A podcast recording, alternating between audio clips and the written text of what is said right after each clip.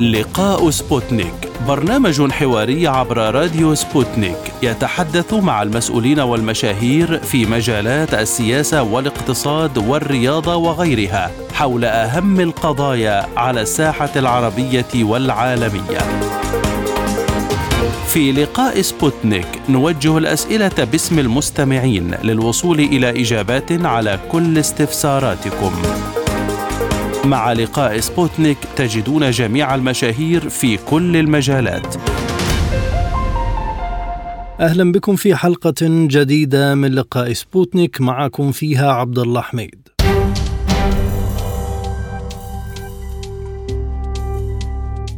عربيا تعرف بالقضية الفلسطينية لكن يحلو للغرب تسميتها بالصراع الفلسطيني الإسرائيلي والفارق كبير بين الاثنين لأن الصراع غالبا ما يدور بين ندين لكل طرف وجهة نظره وهنا يتحول الأمر إلى نزاع فتصبح إسرائيل دولة لديها حقوق على أرضها كما يدعي الفلسطينيون أنهم أيضا لديهم كل الحق في استعادة دولة دولتهم على أرضهم. أما عبارة القضية الفلسطينية فتأخذ طابعا مختلفا تماما حيث يحمل هذا المسمى شعارا حقوقيا للشعب الفلسطيني الذي يستحق أن يحسم قضيته العادلة في استعادة أرضه من كيان احتلها بالقوة واطرد وهجر الشعب الفلسطيني على مدار أكثر من سبعة عقود. الفلسطينيون أخذوا قضيتهم إلى كل المحافل المحافل الدولية وعلى رأسها القضاء الدولي ممثلا في عدة كيانات منها محكمة العدل الدولية والجنائية الدولية وهو ما يغضب إسرائيل التي تبرر دائما كل ما تفعله بأنها صاحبة الحق في هذه الأرض رغم كل ما يعرفه العالم. حيث لم يكن هناك ما يعرف بإسرائيل في هذه المنطقة قبل عام 1948 بل كانت فلسطين الصين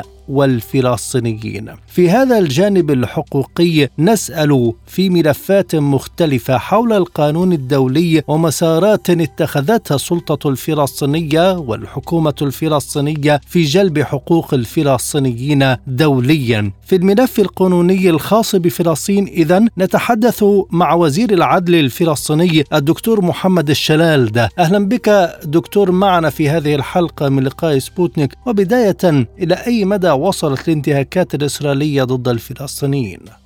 يعني منذ احتلال آه، إسرائيل للأرض الفلسطينية المحتلة بما فيها القدس الشرقية والضفة الغربية وقطاع غزة والأراضي تتعرض إلى أبشع الانتهاكات الجسيمة من قبل السلطة القائمة بالاحتلال. وبالتالي هناك العديد من ارتكاب الجرائم بحق السكان المدنيين والأعيان المدنية وهذه الجرائم بحق الشعب الفلسطيني التي ترتكب يوميا هي جرائم تدخل في منظومة جرائم الحرب وجرائم ضد الإنسانية وتنعقد عليها المسؤولية القانونية الدولية والمسؤولية الجنائية الفردية الشخصية والمسؤولية المدنية. بمعنى أن هذه الانتهاكات الجسيمة المرتكبة بحق السكان المدنيين والأعيان المدنية هي تعتبر انتهاكا صارخا لمبادئ وقواعد القانون الدولي الإنساني والقانون الدولي لحقوق الإنسان وكافة قرارات الأمم المتحدة الصادرة عن الجمعية العامة ومجلس الأمن بخصوص آه، القضية الفلسطينية. وبالتالي يوميا ترتكب جرائم القتل العمد والتصفية خارج القضاء وخارج القانون بحق الشعب الفلسطيني وترتكب جرائم الغدر آه، ضد السكان المدنيين وإسرائيل كقوة قائمة بالاحتلال تعتدي على كافة الممتلكات الدينية والثقافية وخاصة في مدينة القدس وهذا يعتبر انتهاكا صارخا لاتفاقيه لاهاي لعام 1954 وبروتوكوليها الملحقين لعام 1999 كيف ينظر القانون الدولي إلى إسرائيل وتحركاتها في الأراضي الفلسطينية؟ يعني اولا القانون الدولي واضح آه، بأن القانون المطبق على الأرض الفلسطينية المحتلة بما فيها القدس الشرقية هو القانون الدولي الإنساني وخاصة اتفاقية جنيف الرابعة لعام 1949 وكافة اتفاقيات حقوق الإنسان ذات الصلة. بمعنى المركز القانوني للأرض الفلسطينية المحتلة عام 67 تعتبر هذه الأراضي محتلة بما فيها مدينة القدس الشرقية وتنطبق عليها اتفاقية جنيف الرابعة لعام 49 وهذا مدعم من خلال القرارات الصادرة من الجمعية العامة ومجلس الأمن ومجلس حقوق الإنسان والرأي الاستشاري الصادر عن محكمة العدل الدولية لعام 2004 الذي أكد على انطباق اتفاقية جنيف الرابعة لعام 49 على الأرض الفلسطينية المحتلة بما فيها مدينة القدس الشرقية.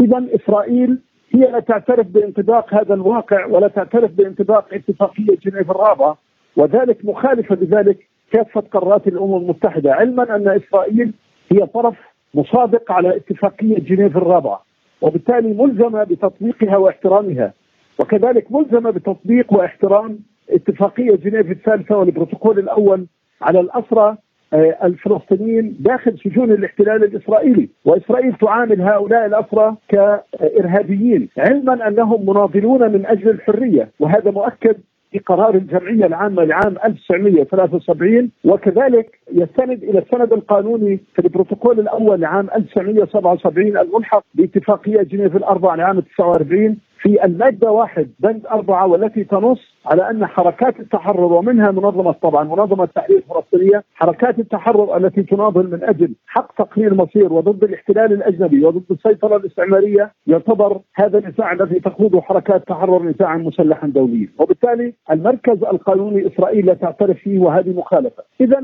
القانون الذي يحكم العلاقات ما بين السلطة القائمة بالاحتلال والشعب المحتل والإقليم المحتل هي ليست القوانين والتشريعات العنصرية التمييزية الصادرة من الكنيسة آه، أو من السلطة التنفيذية أو التشريعية الاسرائيليه وانما الذي يحكم هذه العلاقات هي مبادئ وقواعد القانون الدولي الإنساني وبشكل خاص اتفاقية جنيف الرابعة لعام 1949 وكافة اتفاقيات حقوق الإنسان.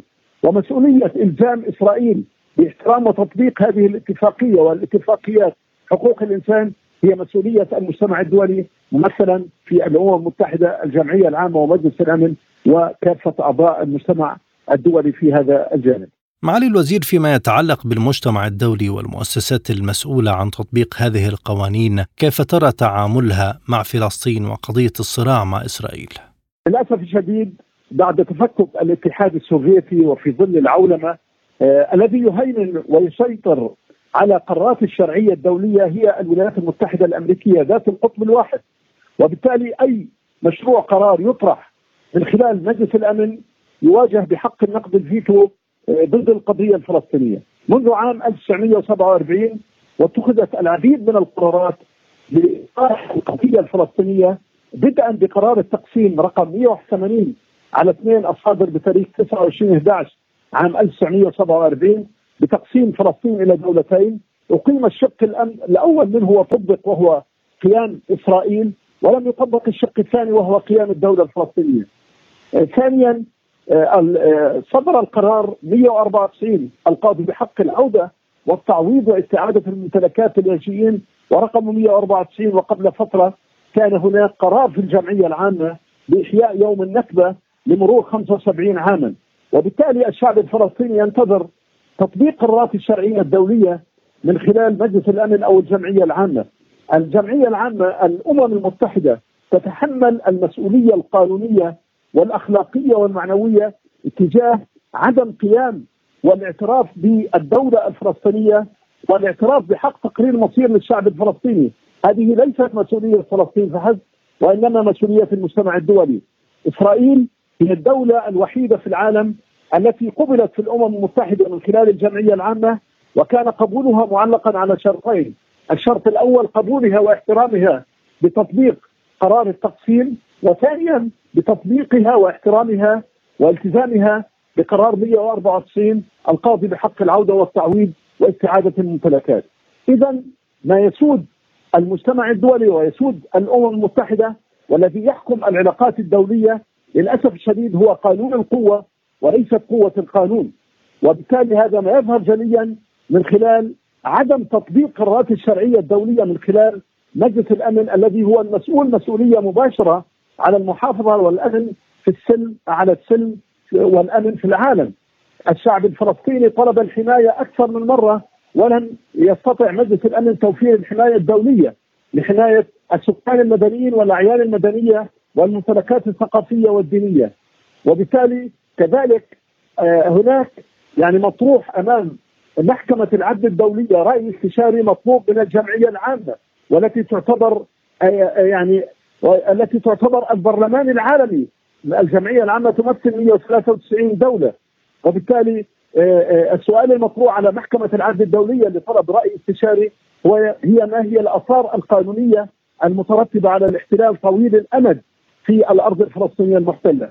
وبالتالي ننتظر صدور هذا الرأي بالإضافة إلى الرأي الاستشاري الذي صدر بخصوص جدار الفصل ولكن للأسف الشديد لم ينفذ اي قرار علما كافة الآراء الاستشارية التي صدرت من محكمة العدل الدولية طبقت واحترمت.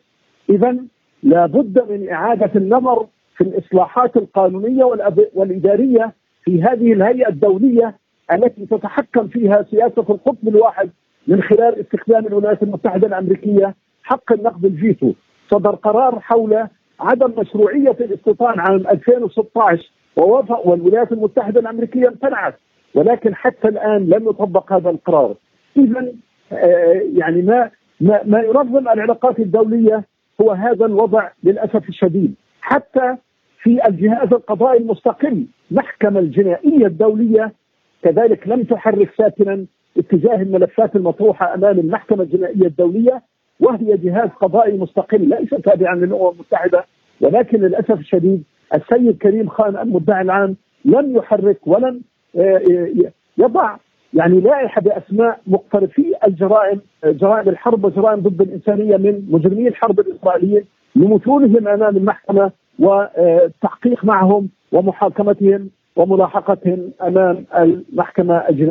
وكيف تقيمون تعامل الجنائية الدولية مع الملفات الفلسطينية المرفوعة لديها؟ يعني صحيح هي جهاز قضائي مستقل ولكن يعني يعني هذه مسؤولية جمعية الدول الاطراف هناك أكثر من 123 دولة طرف مصادق ومنضم للنظام الأساسي للمحكمة الجنائية الدولية التي تعتبر معاهدة دولية وملزمة لكافة الأطراف المصادقين على هذا النظام ودولة فلسطين تعتبر طرف منضم للنظام الأساسي للمحكمة الجنائية الدولية. هناك ثلاث ملفات أحيلت للمحكمة الجنائية الدولية. ملف الحرب الاخيره على قطاع غزة عام 2014 ملف الاستيطان وملف الاسرى بالإضافة إلى ملفات أخرى تكميلية. ولكن للأسف الشديد حتى الآن السيد كريم خان المدعي العام بالتعاون مع الغرفة التمهيدية في المحكمة الجنائية الدولية لم تتخذ أي إجراء في هذا الجانب. وهذه أنا أحمل جمعية الدول الأطراف في النظام الأساسي للمحكمه الجنائية الدولية المسؤولية الدولية من أجل حث المدعي العام لتحريك ومساءلة وملاحقه مقترفي جرائم الحرب.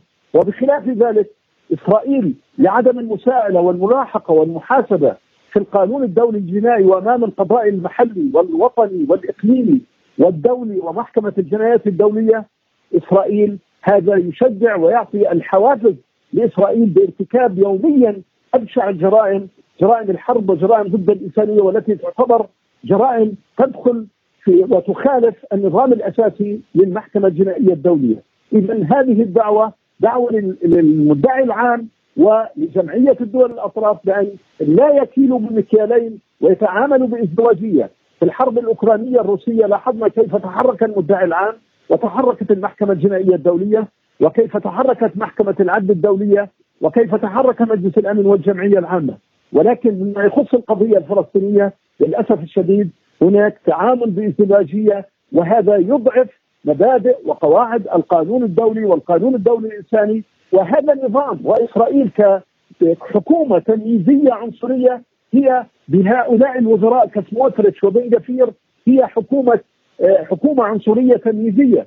وبالتالي دعوة المجتمع الدولي وخاصه المنظمات الإقليمية والدولية كجامعة الدول العربية ومنظمة الاتحاد الأفريقي ومنظمة التعاون الإسلامي ودول عدم الانحياز على هذه المنظمات الإقليمية أن تقوم بوصم هذه الدولة بدولة الفصل العنصري الابارتايد لوصولا إلى استصدار قرار من الجمعية العامة كدولة فصل عنصري ابارتايد من أجل فرض عقوبات آه، اقتصادية ودبلوماسية كما حصل في جنوب أفريقيا. وبخلاف ذلك ستبقى ترتكب هذه الجرائم بحق الشعب الفلسطيني. وبالتالي هذه الدعوة كذلك لهيئة الأمم المتحدة بإلزام إسرائيل باحترام وتطبيق قرارات الشرعية الدولية بما يخص تهويد القدس وتهجير سكانها الأصليين. وكذلك هذه مسؤولية على جمع على الدول الأطراف السامية المتعاقدة على اتفاقية جنيف الرابعة إلى إلزام إسرائيل على احترامها وتطبيقها لاتفاقية جنيف الرابعة.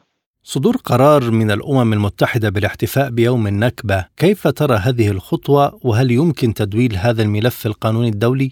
يعني اولا هذا اليوم يعني هو يوم هو إقرار واعتراف من قبل المجتمع الدولي ممثلا في الجمعية العامة التي تمثل البرلمان العالمي أو السلطة التشريعية في العالم بمعنى بغض النظر صدر آه، بعدد الدول ولكن هو قرار أممي هذا جانب مهم جدا واعتراف قانوني بأن آه، آه، الرواية الصهيونية ليست مؤسسة قانونا وإنما اعتمد على رواية أن هناك الشعب الفلسطيني عانى جرائم قتل وتدمير بحق الشعب الفلسطيني وهذا الشعب يستحق العودة والتعويض واستعاده الممتلكات. معنى إحياء يوم النكبة في الأمم المتحدة هذا قرار يتمتع بقيمة قانونية في القانون الدولي ويرتب آثارا قانونية في العلاقات الدولية للدفاع عن أحقية الشعب الفلسطيني في حقه في العودة والتعويض واستعاده الممتلكات. وهذا يؤكد أن الأمم المتحدة من خلال استصدارها قرار في عام 1977 وهو اليوم العالمي للتضامن مع الشعب الفلسطيني تأكيدا من الأمم المتحدة بأن صدر بتاريخ 29 11 بمعنى العالم يحتفل سنويا منذ عام 77 بهذا التاريخ اللي هو تاريخ صدور قرار التقسيم آه الذي يعتبر السند القانوني لقيام الدولة الفلسطينية وإسرائيل. وبالتالي عدم تطبيق إسرائيل لهذين القرارين وخاصة قرار التقسيم وقرار 194 القاضي بحق العودة والتعويض واستعاده الممتلكات هذا يؤدي إلى الطعن في شرعية السلطة القائمة بالاحتلال وهذا يستدعي القيام بتقديم طلب إلى الجمعية العامة بطرد إسرائيل أو تجميد أو تعليق عضويتها لأنها فسخت هذا القرار ولم تقم تطبيقه لأن قبولها كان معلقا على شرطين، الشرط الأول هو قرار التقسيم والشرط الثاني هو قرار حق العودة والتعويض واستعاده الممتلكات، وبالتالي هذا اليوم من قبل الأمم المتحدة هو يوم عالمي يؤكد ويؤدي إلى استصدار قرار لأن العالم يحتفل من خلال هذا المنظر الدولي وهي الأمم المتحدة أن يحتفل سنويا بهذا اليوم حتى يحصل الشعب الفلسطيني على حقه في تقرير مصير وحقه في العودة واستعادة الممتلكات والتعويض. وهنا عندما أقول حق العودة هو حق فردي للعودة إلى البيت والمنزل وحق جماعي مرتبط بحق تقرير المصير لأنه وفقا للقرار 194 المادة 11 تنص على النحو التالي وجوب عودة اللاجئين إلى منازلهم وبيوتهم في أقرب فرصة عملية ممكنة وهذا أدى هذا القرار الهام جدا بمعنى وضع الحد المكاني وهو إلى البيت والمنزل والزمان في أقرب فرصة ممكنة المفروض تصيره عندما أبرمت اتفاقيه الهدنة اتفاقية رودس 49 كان على المجتمع الدولي أن يجبر إسرائيل بعودة اللاجئين إلى بيوتهم ومنازلهم وتعويضهم وإستعادة ممتلكاتهم من قبل إسرائيل. السلطة الفلسطينية أعلنت عن تدويل عدد من القضايا وملاحقات قانونية تخص انتهاكات ضد الإنسانية إلى أين وصلتم في هذا الجانب؟ يعني بداية آه، هناك ملفات مطروحة أمام القضاء الجنائي الدولي ممثلا في المحكمة الجنائية الدولية وهي ثلاث ملفات رئيسية وهذا رتب عندما قبلت فلسطين في عام 2012 كدولة غير عضو في الأمم المتحدة رتب لدولة فلسطين آثار قانونية وهي الانضمام آه، للمعاهدات الدولية ومنها النظام الأساسي للمحكمة الجنائية الدولية. وبالتالي نحن طرف منضم إلى آه، النظام الأساسي للمحكمة الجنائية الدولية والذي سمح لنا بأحقية مقاضاة وملاحقة ومساءلة ومحاسبة الجنود والضباط والمستوطنين الإسرائيليين من جراء ارتكابهم جرائم حرب وجرائم ضد الإنسانية وفقا للنظام الأساسي للمحكمة الجنائية الدولية. وبناء عليه أحيلت ثلاث ملفات رئيسية ملف الحرب الأخيرة على قطاع غزة 2014 وملف الاستيطان وملف آه، الأسرى بالإضافة إلى ملفات تكميلية أخرى.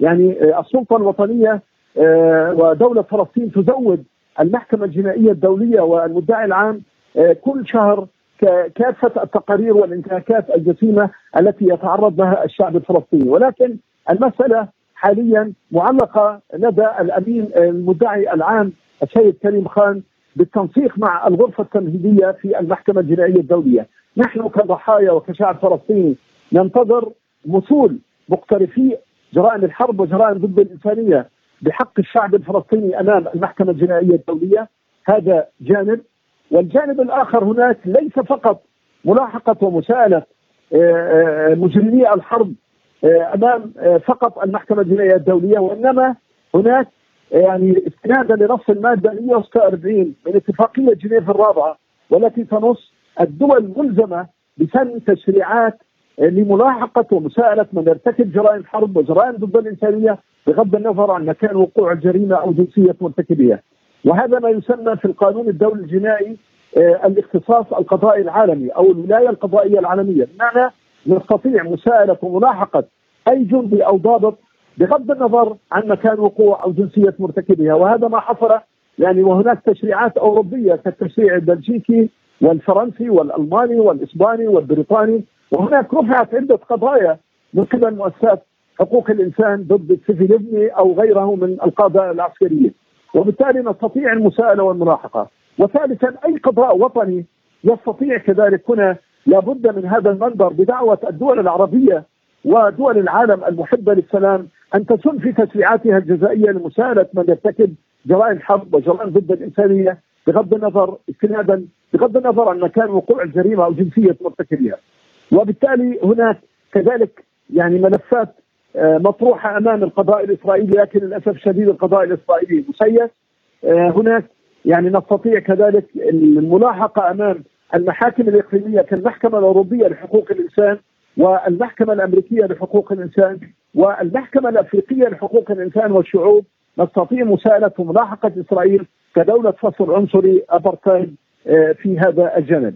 بالإضافة إلى ملفات أخرى هناك آه، آه، مجلس حقوق الإنسان صنف العديد من الشركات الأجنبية العاملة في المستوطنات كشركات على قائمة اللائحة السوداء نستطيع مساءله وملاحقه هذه الشركات أمام أي قضاء جنائي وطني أو إقليمي أو دولي في هذا الجانب من من أجل وضع حد لهذه الشركات التي تنتهك حقوق الإنسان وكافة آه، المواثيق والمعاهدات الدولية، فالباب مفتوح أمام الشعب الفلسطيني والضحايا برفع دعاوي فردية ودعاوي جماعية لمساءلة وملاحقه الاحتلال الإسرائيلي وجرائم الحرب لا تسقط بالتقادم استنادا لقرار صادر من الجمعية العامة عام 69 وبالتالي لنا أحقية الملاحقه وهنا أوضح قضية في غاية الأهمية. هناك فرق وتمييز ما بين حق المقاومة المرتبط بحق تقرير مصير للشعب الفلسطيني وبين الإرهاب آه، آه، المنظم من قبل السلطة القائمة بالاحتلال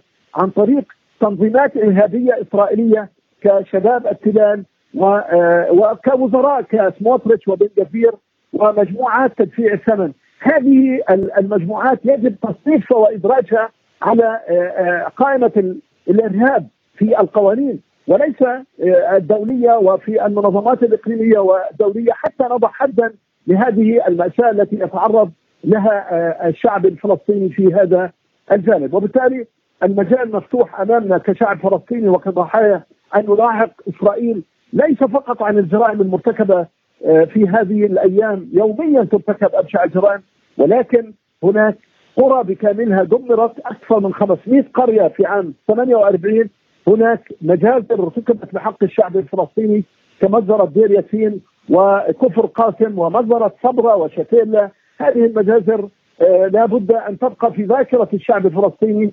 دكتور يعني إسرائيل أصدرت قرارا بعودة المستوطنين إلى أربع مستوطنات مخلاة منذ عام 2005 في الضفة من ضمنها مستوطنة حومش. في ظل عمليات التوسع الاستيطاني كيف تقرؤون هذه الخطوات في المسار القانوني؟ يعني أولا من جانب منظور القانون الدولي والقانون الدولي الإنساني وحقوق الإنسان في قضية الاستيطان. أولا الاستيطان هو غير شرعي وغير قانوني وهذا يعني أذكر بالقرار رقم 23 34 الصادر عن مجلس الأمن في عام 2016 والذي أكد على آه، آه، عدم مشروعية الاستيطان ويجب تفكيكه والانتهاء منه. ولنا تجارب في قضية اتفاقية كامب ديفيد مع آه، مع جمهورية مصر العربية تم تفكيك المستوطنات وبالتالي لا أساس له في القانون الدولي. ولكن إسرائيل من أجل فرض سياسة الأمر الواقع تقوم ببناء المستوطنات والتوسع في الاستيطان وهذا يعتبر مخالف لاتفاقية جنيف الرابعة وخاصة نص المادة 49 من اتفاقية جنيف الرابعة وثانيا هو يعتبر مخالف لاتفاقية حقوق الإنسان الإعلان العام لحقوق الإنسان والعهد الدولي للحقوق المدنية والسياسية والعهد الدولي للحقوق الاقتصادية والاجتماعية والثقافية والحق في السكن. وبالتالي هذه جريمة دولية تنعقد عليها المسؤولية القانونية الدولية. هذه ليست آه، مسؤولية آه، فلسطين فحسب في ملاحقة المستوطنين وإنما مسؤولية الأمم المتحدة التي أصدرت هذا القرار والذي أكد في نهايته بأن يبقى الأمين العام تبقى هذه القضية قيد نظر وكل ثلاث أشهر هو يرفع تقرير الأمين العام للجمعية العامة ولمجلس الأمن ولكن للأسف الشديد لا يوجد تنفيذ، المطلوب هو دعوة مجلس الأمن بإلزام إسرائيل بتنفيذها وتطبيقها للقرار 23 34 وفقا للفصل السابع في مجلس الأمن وليس استنادا للفصل السادس. وهذا تمييز في اتخاذ القرارات. يعني بمعنى آه، آه، لابد من إعادة النظر في توسيع عضوية أعضاء مجلس الأمن الدائمين. لا ليس حكرا على الخمس دول الدائمة العضوية وخاصة الولايات المتحدة الأمريكية، لماذا لم تكن دول آه، يعني كالهند، البرازيل، مصر دول يعني واجنه أن يتم توسيع عضوية مجلس الأمن حسب يعني التوزيع الجغرافي العادل في هذا الجانب من أجل وضع توازن. ونامل إن شاء الله من هذا المجتمع أن يعيد النظر في إيجاد التعددية والقطبية حتى يعم السلام والمساواة والعدل. لأنه ما يخص القضية الفلسطينية لا يوجد تطبيق لمبدأ العدالة الجنائية الدولية. وهناك قرارات عديده صدرت أكثر من ألف قرار من الهيئه الدولية بكافة أجهزتها الرئيسية ولم يطبق أي قرار بما يخص القضية الفلسطينية. وهذا مما يشجع على إضعاف مبادئ وقواعد القانون الدولي والقانون الدولي الإنساني وهذه دعوة إلى دول العالم بتفعيل آليات المساءلة والملاحقة لأشخاص القانون الدولي وخاصة الدول. القانون الدولي بدون جزاء وعقاب لا قيمة له في كما هو القانون الوطني. في القانون الوطني توجد سلطة عامة وهي الدولة والحكومة والسلطة التنفيذية لملاحقة من يرتكب انتهاكات القانون ولكن في القانون الدولي لا توجد سلطة عامة لإيقاع العقوبة والجزاء إلا ممثله في مجلس الأمن استنادا للفصل السابع والذي تحكم في قراراته في غالبيه هذه القرارات الولايات المتحدة الأمريكية. وبالتالي لابد من إعادة النظر في إيجاد إصلاحات قانونية وإدارية في هذه الهيئة الدولية التي أنشئت أساسا من أجل إحلال السلام. كيف يمكن منذ عام 47 والشعب الفلسطيني يعاني ولا يحصل على حقوقه وحقه في تقرير مصير وظلم هذا الشعب وشرد من دياره ومنازله وحتى الآن ينتظر بقيام الدولة، حتى الآن هذا المجتمع الظالم لا يعترف بالشق الثاني من قرار التقسيم، بمعنى لا يوجد ما المطلوب مننا كشعب فلسطيني حتى نحصل على عضوية كاملة في ميثاق الأمم المتحدة؟ علما أننا منضمين ولكافة الاتفاقيات الدولية والمعاهدات الدولية وملتزمون بكافة قرارات الشرعية الدولية ولكن هذا المجتمع ينتظر الإعاز من قبل الولايات المتحدة الأمريكية حتى يعترف بالدولة الفلسطينية. وبالتالي دعوة المجتمع الدولي ونحن مصرون على التقدم بطلبات للعضوية الكاملة في الأمم المتحدة لأن هذا استحقاق فلسطيني واستحقاق دولي لحصولنا على احقيتنا في العضوية الكاملة لاننا موجودين قبل إسرائيل التي هي دولة مصطنعة وفقا لقرار التقسيم. هذا القرار أساسا منشئ للكيان الصهيوني. ونحن كفلسطينيين قرار كاشف لنا أن الشخصية القانونية الدولية موجودة لنا منذ الكنعانيين ومنذ الإمبراطورية العثمانية. والسيادة لا تنتقل للسلطة القائمة بالاحتلال وإنما كامنه لدى الشعب الفلسطيني. بغض النظر جاء الانتداب البريطاني و وتم الوحدة مع المملكة الأردنية الهاشمية وجاء الاحتلال الإسرائيلي. ولكن السيادة تبقى كامنه للشعب الفلسطيني على كامل أراضيه وفقا لقرارات الشرعية الدولية. القمة العربية الأخيرة والتي شارك فيها الرئيس محمود عباس كانت أغلب بنودها تدعم القضية الفلسطينية ما تأثير هذه القرارات على آه، خطوات التحركات الفلسطينية دوليا يعني بغض النظر نحن نقدر ونثمن كافة القرارات من آه، آه، الدول الشقيقة في جامعة الدول العربية وقرارات هي صحيح كافة الأعضاء وكافة رؤساء الدول والقادة أكدوا على الحقوق المشروعة للشعب الفلسطيني ومبادرة السلام وإلى آخره. ولكن يعني لا توجد آلية يعني الشعب الفلسطيني بحاجة إلى دعم مادي ومعنوي القدس بحاجة إلى الدفاع عن المقدسات والممتلكات. إسرائيل تقوم بحفر الأنفاق ونحن ننتظر هذا الدعم من هذه الدولة لابد من أخذ قرارات مصيريه وأخذ مواقف ليست يعني نظرية بالشجب والإدانة والاستنكار ولكن نحن كشعب فلسطيني ننتظر آه، يعني فعلا مواقف حقيقية وآليات قانونية وقضائية لمساءلة وملاحقة الاحتلال. بمعنى لابد من العمل على تفعيل الآليات القانونية والقضائية ضد الانتهاكات الجسيمة للاحتلال الإسرائيلي سواء في الضفة الغربية أو في قطاع غزة أو في مدينة القدس.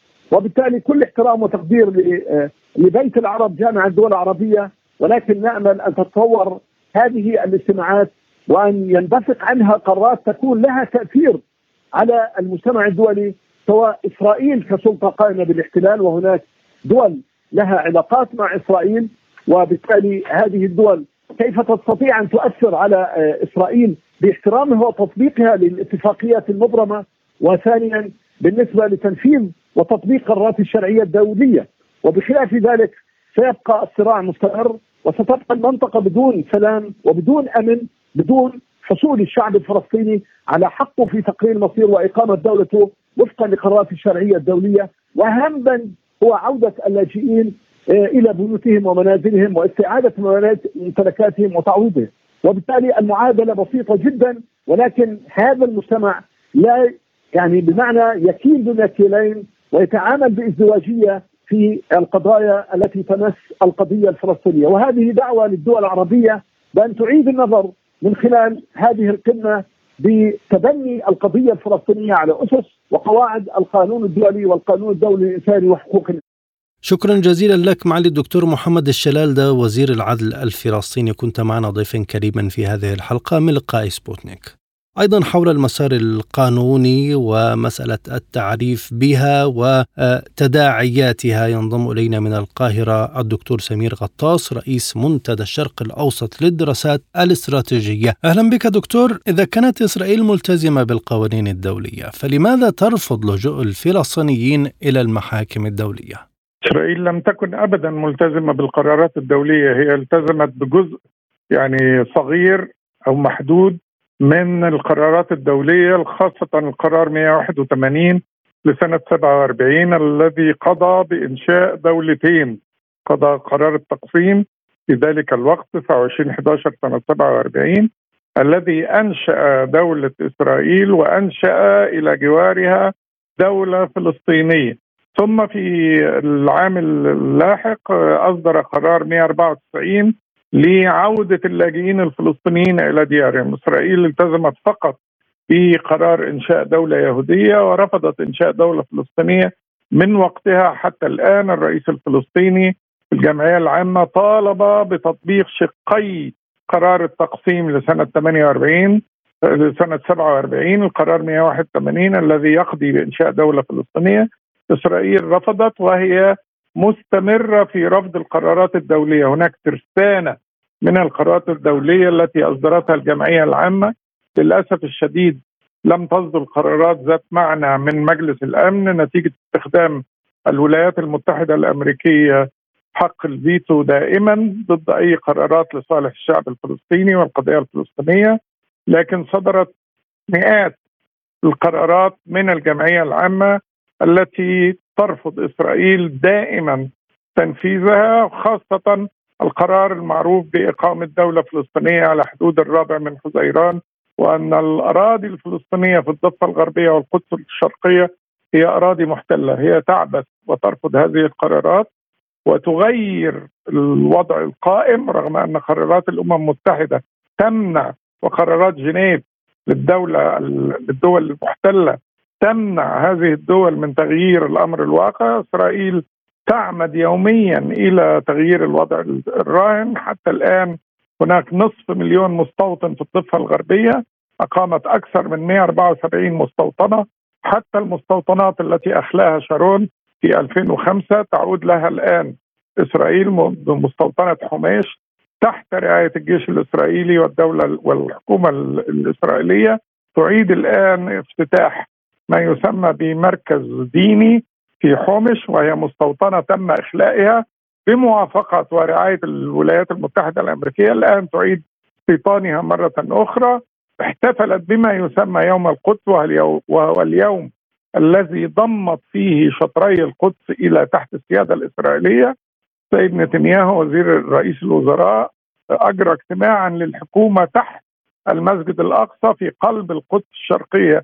المحتلة وزعم أن هذه هي عاصمة دولة إسرائيل وأن إسرائيل ستبقي سيادتها عليها. ليس صحيحا أن إسرائيل وافقت على ولا قرار حتى القرار 242 الذي وافقت عليه في بعد في اعقاب حرب 67 العدوانية. هي تتنصل من كل الاتفاقات وتسعى إلى تغيير الأمر الواقع وخلق أمر واقع جديد ومن ثم تفاوض عليه ومن ثم تعيد نقد هذا التفاوض وتعيد مرة أخرى تغيير خاصة مع هذه الحكومة اليمينية الدينية القومية المتطرفة التي ترفض بكل الطرق الانصياع لأي من القرارات الدولية والاتفاقات السابقة وتسعى إلى تهويد كامل الضفة الغربية والقدس الشرقية وطرد الفلسطينيين أو حصرهم في معازل داخل الضفة الغربية. كيف سيأخذ الفلسطينيون إذا حقوقهم في ظل ما يتم من سياسات سواء في الأرض المحتلة أو على المستوى الدولي فيما يخص الوضع القانوني؟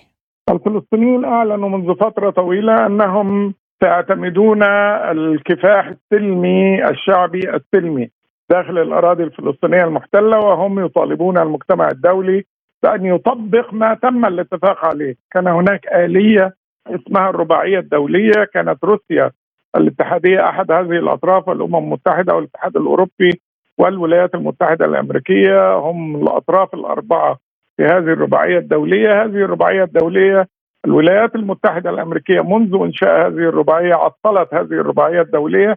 والآن نتيجة إشغال روسيا بالحرب في أوكرانيا وتزويد أوكرانيا بأسلحة متطورة وهجومية.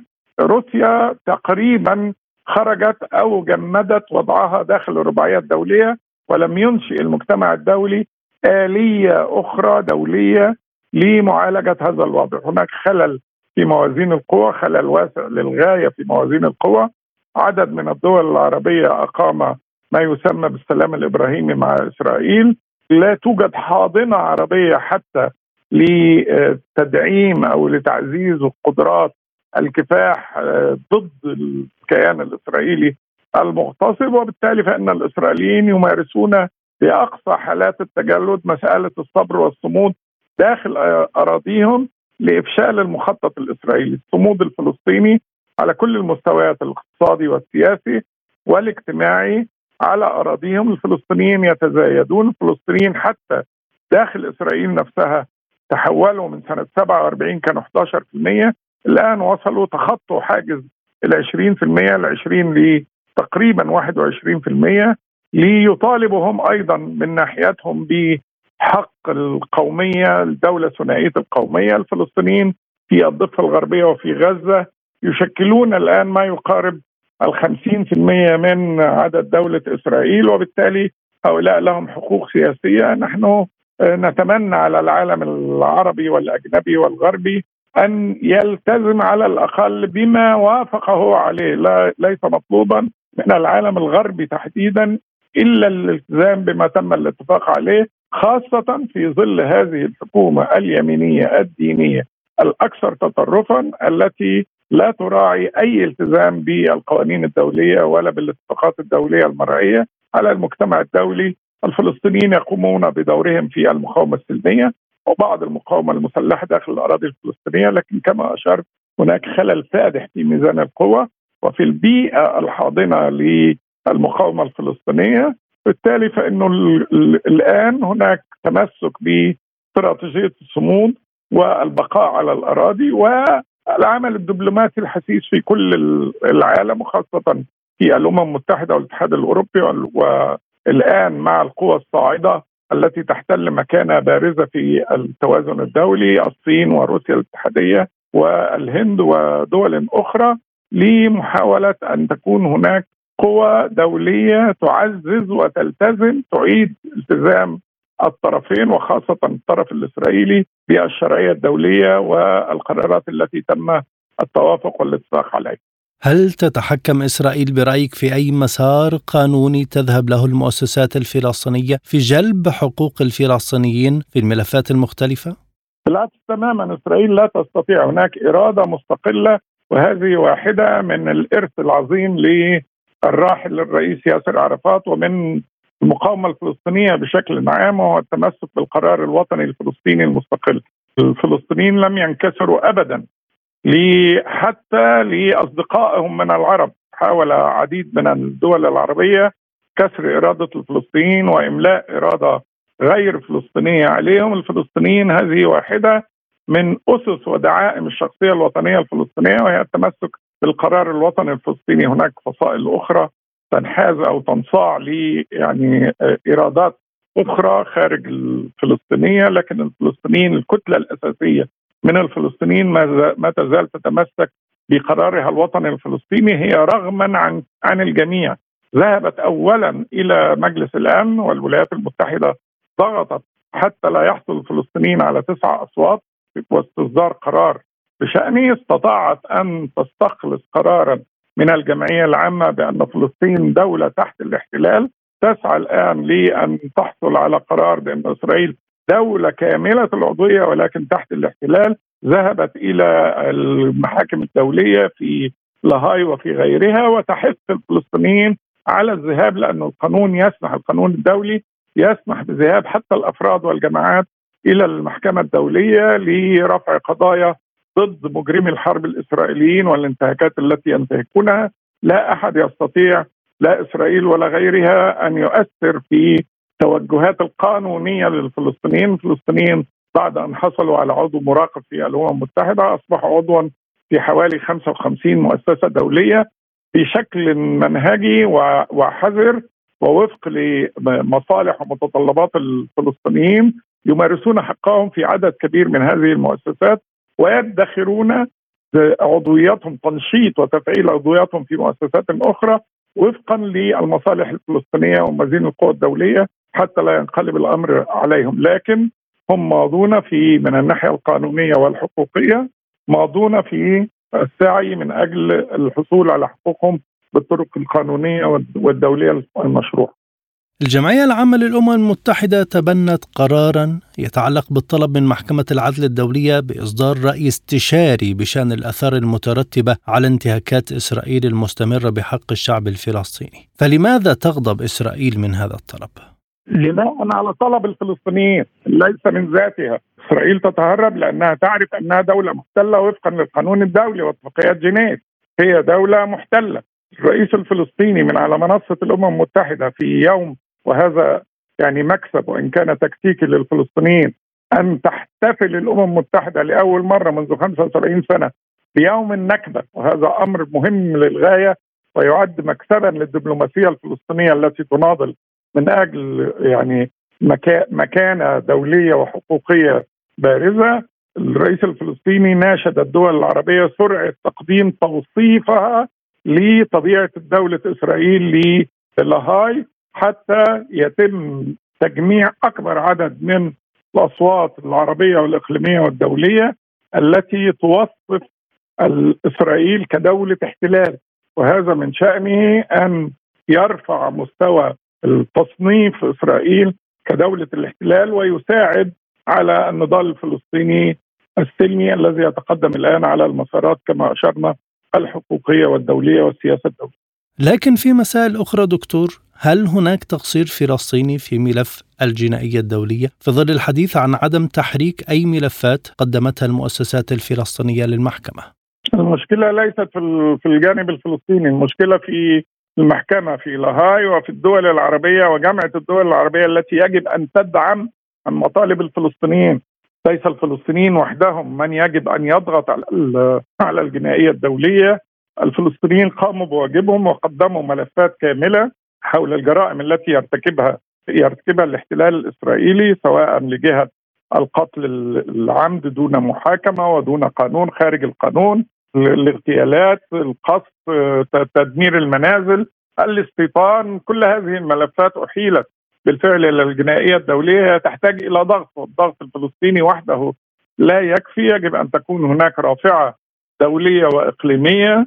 نتطلع إلى دول الاتحاد الأوروبي نتطلع إلى جامعة الدول العربية وإلى الدول العربية لتشكل رافعة وضاغطا على المحكمة الدولية.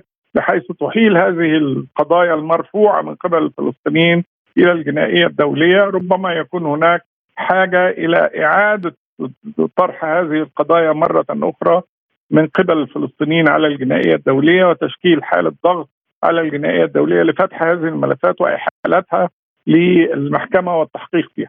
وهل تنتظر المحكمة الجنائية تحركا أو ضغطا حتى تتحرك في مسار إنساني وحقوقي لأهم قضية في التاريخ؟ أليس من واجبها العمل دون انتظار ضغوط؟ يعني المجتمع الدولي ليس لا يتحرك على أساس أخلاقي. المجتمع الدولي يتحرك على أساس مصالح وتبادل مصالح وضغوطات دولية كثيرة. مجلس الأمن معطل بسبب الفيتو الأمريكي الجمعية العامة يتم اختراقها كثيرا. القانون الدولي يتم تعطيله. محكمة لاهاي كل يعني على فترات متباعدة يتم تحويل قضايا خاصة تتوافق عليها يتوافق عليها المجتمع الدولي. مجلس حقوق الإنسان الذي هناك ثنائية غريبة. السيد آه، آه، رئيس أوكرانيا يعامل دوليا الآن كمقاوم بينما يعامل أبو مازن كإرهابي. هذه مفارقة ومعايير يعني متناقضة تماما. شخص يقاوم سلميا ضد احتلال بقاله 75 سنة وشخص آخر يعامل كمقاوم ويتم الاحتفاء به في الأمم المتحدة وحتى في جامعة الدول العربية في القمة العربية وفي الاتحاد الأوروبي وغيره يعامل كمقاوم والفلسطينيين يعاملوا كإرهابيين. هذه الازدواجيه الدولية تسيطر على العالم لا توجد معايير أخلاقية ولا حتى قانونية وإنسانية لا للمحكمة الجنائية الدولية ولا لغيرها من المؤسسات الدولية لابد من وجود روافع وضواغط ومصالح تحرك يعني الساكن في هذه المؤسسات التي ترفع شعارات أخلاقية وإنسانية لكنها في النهاية يعني تخضع للمصالح والإيرادات الدولية. ما هو المتوقع من محكمة العدل الدولية في الطلب المقدم من الجمعية العامة للأمم المتحدة؟ وكيف يمكن أن يؤثر توصيف ما يحدث من إسرائيل طوال عشرات السنين على القضية الفلسطينية؟ يعني هناك الآن ريح مواتية رغم المشكلات والمخاطر الشديدة لوجود حكومة يمينية دينية قومية متطرفة في إسرائيل هي الأكثر تطرفا في تاريخ إسرائيل. لكن هذه المخاطر التي تحملها يحملها وجود هذه الحكومة هي في نفس الوقت تقدم لنا وللفلسطينيين فرص أيضا لأن المجتمع الدولي وحتى الولايات المتحدة الرئيس بايدن حتى الآن يرفض استقبال نتنياهو مؤسسات دولية حتى داخل الكونجرس وداخل الحزب الحاكم الآن في الولايات المتحدة هناك انتقادات واسعة للحكومة الإسرائيلية الحالية في الاتحاد الأوروبي أيضا. هناك يعني انتقادات واسعة تم رفض استقبال يوم الأمم المتحدة في الأراضي الفلسطينية تم رفض استقبال بن غفير كممثل للحكومة الإسرائيلية رفض ممثلي الاتحاد الأوروبي كله إلى آخره. هذا الأمر الفرص الممكنة المتاحة الآن نتيجة وجود مثل هذه الحكومة المتطرفة هذه الفرص تحتاج إلى روافع جامعة الدول العربية وحتى الدول التي عقدت اتفاقات ما, ما يسمى باتفاقات إبراهيم مع الجانب الإسرائيلي. هذا لا يعفيها من مسؤولية أن تسند وتؤازر وتدعم المطالب الفلسطينية بشأن توصيف إسرائيل باعتبارها دولة احتلال، هذا الأمر قد لا ينهي الاحتلال بالتأكيد لأنه الاحتلال هو قوة مسيطرة بالقوى الجبرية العسكرية وغير العسكرية على الأراضي الفلسطينية المحتلة ويحتاج الأمر إلى أكثر من القرارات الدولية الصادرة عن المحاكم أو الأمم المتحدة أو عن الأمم المتحدة لكنه يشكل جزءا من حصار على الاحتلال وينزع عن هذا الاحتلال أي شرعية تحاول أن يعني آه، آه، تسربها. دولة الاحتلال باعتبار أن هذه أرض متنازع عليها إلى آخر هذه الخرافات والهرتلة التي يعني آه، تسمح دولة الاحتلال بتسريبها.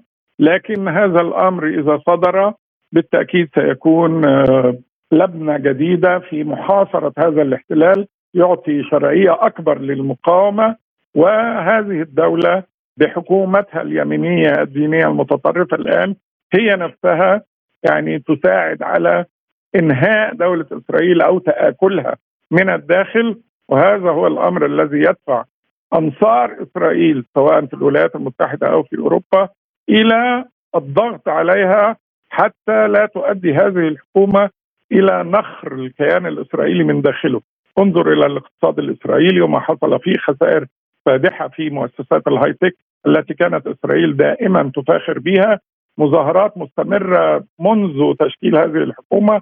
حتى كل يوم سبت يخرج مئات الآلاف من الإسرائيليين ضد هذه الحكومة وهي ظاهرة جيدة وصحية. انقسام حقيقي داخل المجتمع الإسرائيلي.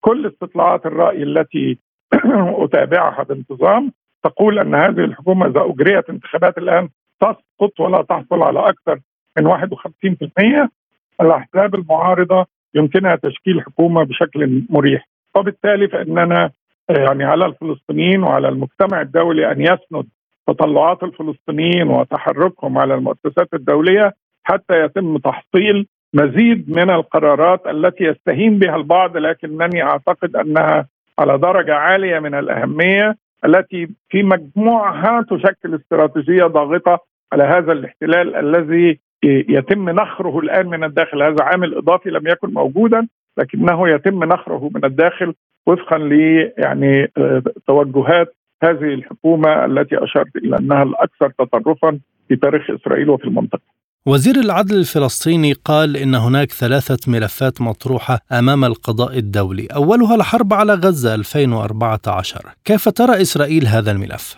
يعني إسرائيل أعلنت مرارا أنها لا تلتزم بأي من القرارات الدولية ولا حتى بالتوجهات في المحاكم الدولية وغيرها، لكنها في فترة من الفترات هذا سفر قادة وخاصة مثلا قائد سلاح الطيران الإسرائيلي لأن بعض الدول تستطيع أن تحاكمه على أراضيها، أعتقد إسبانيا لوحت بأنها يمكن أن تعتقله إذا دخل أراضيها، بعض الدول الأوروبية لديها من القوانين ما يسمح لها باعتقال ومحاكمة مجرمي الحرب، فإذا شددنا وهذا مرة أخرى يؤكد انه الدعوة إلى إدانة مجرمي الحرب الإسرائيليين على المستوى الدولي هي مسألة هامة. في بعض الحالات كما أشرت إسرائيل منعت قياداتها من السفر إلى الخارج خشيه أن يتم اعتقالهم ومحاكمتهم في الآخر وقتها لن تستطيع إلا أن تثير أزمة مع مع هذه الدول وهذا الأمر يعني مطلوب ويجب العمل عليه. وزير العدل الإسرائيلي يرفض تماما تحويل أي من القضايا من هذه القضايا إلى المحكمة لأنه يخشى من هذه الإدانة، البعض كما أشرت يستهين البعض أحادي التفكير الذي لا يرى في المقاومة إلا اطلاق الرصاص فقط، الاستراتيجية الدولية. أنا كنت محاضر أساسي في حرب التحرير الشعبية، كل الاستراتيجيات والتجارب الدولية في مقاومة الاحتلال اعتمدت على استراتيجية واسعة ربما يكون في قلبها أحيانا الكفاح المسلح لكنها تسمح ويجب أن تسمح بعناصر أخرى مثل الالتجاء للقانون الدولي الدبلوماسية الصراع السياسي يعني مقاومة الاحتلال من داخله كما حصل في الثورة الجزائرية مثلا وعده ثورات أخرى هذا الأمر يجب أن يكون هناك استراتيجية واسعة في أحد أركانها الأساسية الآن الصراع من أجل إدانة إسرائيل على المستوى الدولي وفي المحاكم الدولية ومحاصرتها أينما كان يمكن محاصرتها في هذا الشأن. أخيرا دكتور الملف الثالث الذي يتحدث عنه وزير العدل الفلسطيني ويوضع أمام القانون الدولي هو ملف الأسرى. كيف تقيمون هذا الملف؟ وهل يلقى هؤلاء الأسرى محاكمات عادلة داخل إسرائيل؟ وهنا نشير إلى وفاة أسرى مرضى خلال الأشهر الماضية. هم ناصر أبو حميد وخضر عدنان. وكذلك هناك أسير آخر معرض للوفاة وهو وليد دقة وليد دقة معرض الآن ورثت 6 مليون. الإفراج الشرطي عنه رغم أنه يعاني من أمراض عديدة ومحاميه تقدموا بطلب للإفراج عنه هو وعشرات الحقيقة. هذه حالات معروفة في الحركة الأسيرة الفلسطينية. أنا قلت لك اليوم تم رفض إسرائيل طول الوقت يعني تعامل الأسرى معاملة لا تليق ولا تتوافق مع القانون الدولي. اتفاقيه جنيف لمعاملة الأسرى. هؤلاء آه، أسرى حرية. ومقاومي حرية كانوا يقاوموا الاحتلال. لم يرتكبوا أي آه، قضايا ذات طابع جنائي. هم آه، متهمين بمقاومة الاحتلال. ومقاومة الاحتلال هو أمر مشروع وفقا للمواثيق الدولية وللأعراف وللتاريخ. كل الشعوب في العالم كلها قاومت الاحتلال. هذا حق مشروع للفلسطينيين. لكن إسرائيل أيضا لا توفر لهم لا محاكمة عادلة. أكيد آه، يعني حضراتكم تابعتم. الأحكام الجائرة التي تصدر هناك من يعني حاصل على يعني ما يفوق عشر مؤبدات من حياته يعني يقضيها في السجن الظروف الحالية بقى.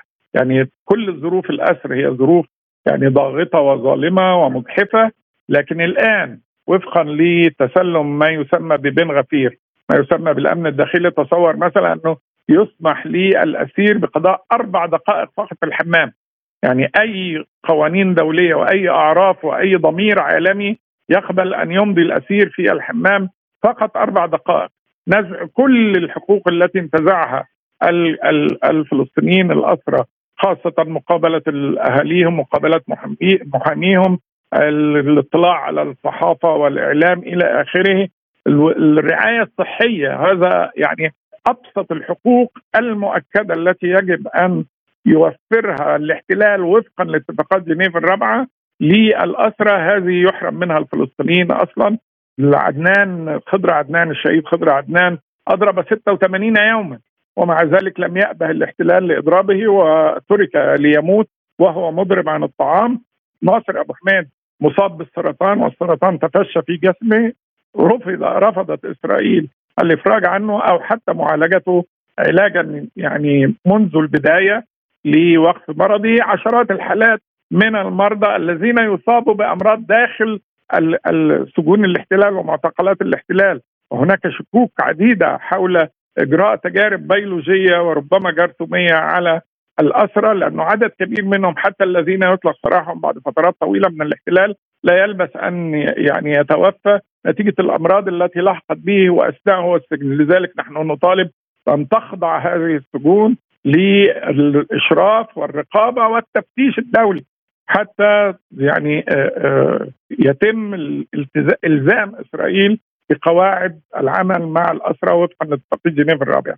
أعتقد انه هناك ضرورة أيضا عربية ودولية وإنسانية اتفاقيه هاي ما يسمى ب لجان حقوق الإنسان ومؤسسات حقوق الإنسان الدولية عليها أن ترسل ترفع هذه القضية إلى مستوى الإنساني ترسل وفودا للرقابة والتفتيش على وضع الأسرى في السجون، هؤلاء لا يقلوا عن أي أسير أو معتقل في الدول الأخرى على عليهم أن يتحلوا بشجاعة وب يعني معايير إنسانية دولية ليرسلوا يرفعوا هذه القضية إلى مساطح الاهتمام ويرسلوا وفودا للرقابة والتفتيش وزيارة الأسرى في السجون والاستماع لمطالبهم المحقة آه، وفقا للقانون الدولي. شكرا جزيلا لك دكتور سمير غطاس رئيس منتدى الشرق الأوسط للدراسات الاستراتيجية. كنت معنا ضيفا كريما في هذه الحلقة من لقاء سبوتنيك. كما نشكركم مستمعينا الكرام على حسن المتابعة. طابت أوقاتكم وإلى اللقاء.